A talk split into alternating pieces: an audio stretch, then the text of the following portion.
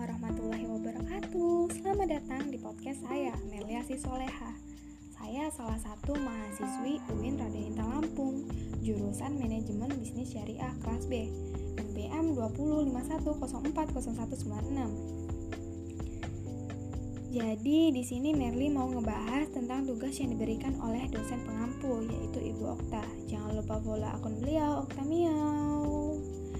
Tugas yang diberikan yaitu observasi terhadap UMKM di wilayah sekitar tempat tinggal saya.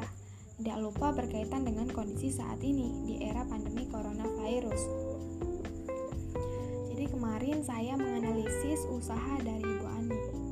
Ibu Ani sendiri pengusaha warung Tegal atau bisa disebut dengan warteg yang cukup terkenal di wilayah saya. Mengapa saya tertarik untuk menganalisis usaha dari Ibu Ani? Tetap saja berjalan dengan baik meskipun adanya COVID-19. COVID-19 mempengaruhi semua perekonomian di Indonesia, mulai dari pendapatan, permintaan, dan juga penawaran. COVID-19 menjadi masalah serius untuk para pengusaha, tetapi sebagai pengusaha harus bisa dong menghandle masalah tersebut. Menghandle bagaimana caranya pelanggan tetap setia, mempertahankan pendapatan agar tidak semakin turun, dan mengurangi pengeluaran seminim mungkin, namun tidak mengurangi kualitas dan cita rasa. COVID-19 tidak membatasi Ibu Ani untuk berinovasi. Memang benar, setiap orang ditekan untuk mengikuti protokol kesehatan, seperti tidak keluar rumah jika tidak ada kepentingan, hindari berkerumpul, dan lain-lain. Ibu Ani juga memahami situasi ini. Apa yang dianjurkan pemerintah pun sudah ia jalankan, seperti memberikan hand sanitizer dan menyediakan tempat cuci tangan. Tetapi, apakah itu bisa merubah suasana ramai kembali yang awalnya sepi karena pandemi? Ia rasa itu belum cukup. Harus ada inovasi yang ia buat. Ibu Ani mempunyai cara agar usahanya tetap jalan dengan baik. Ibu Ani mempromosikan makanannya melalui via online seperti WhatsApp, telepon, maupun Facebook.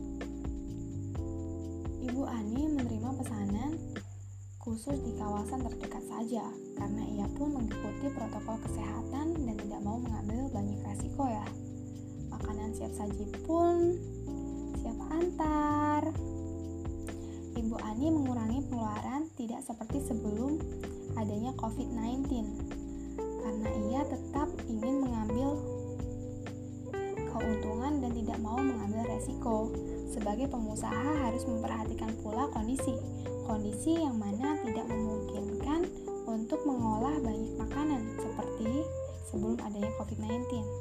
Hal itu dilakukan agar pengeluaran yang telah dikeluarkan tidak mengakibatkan banyak kerugian.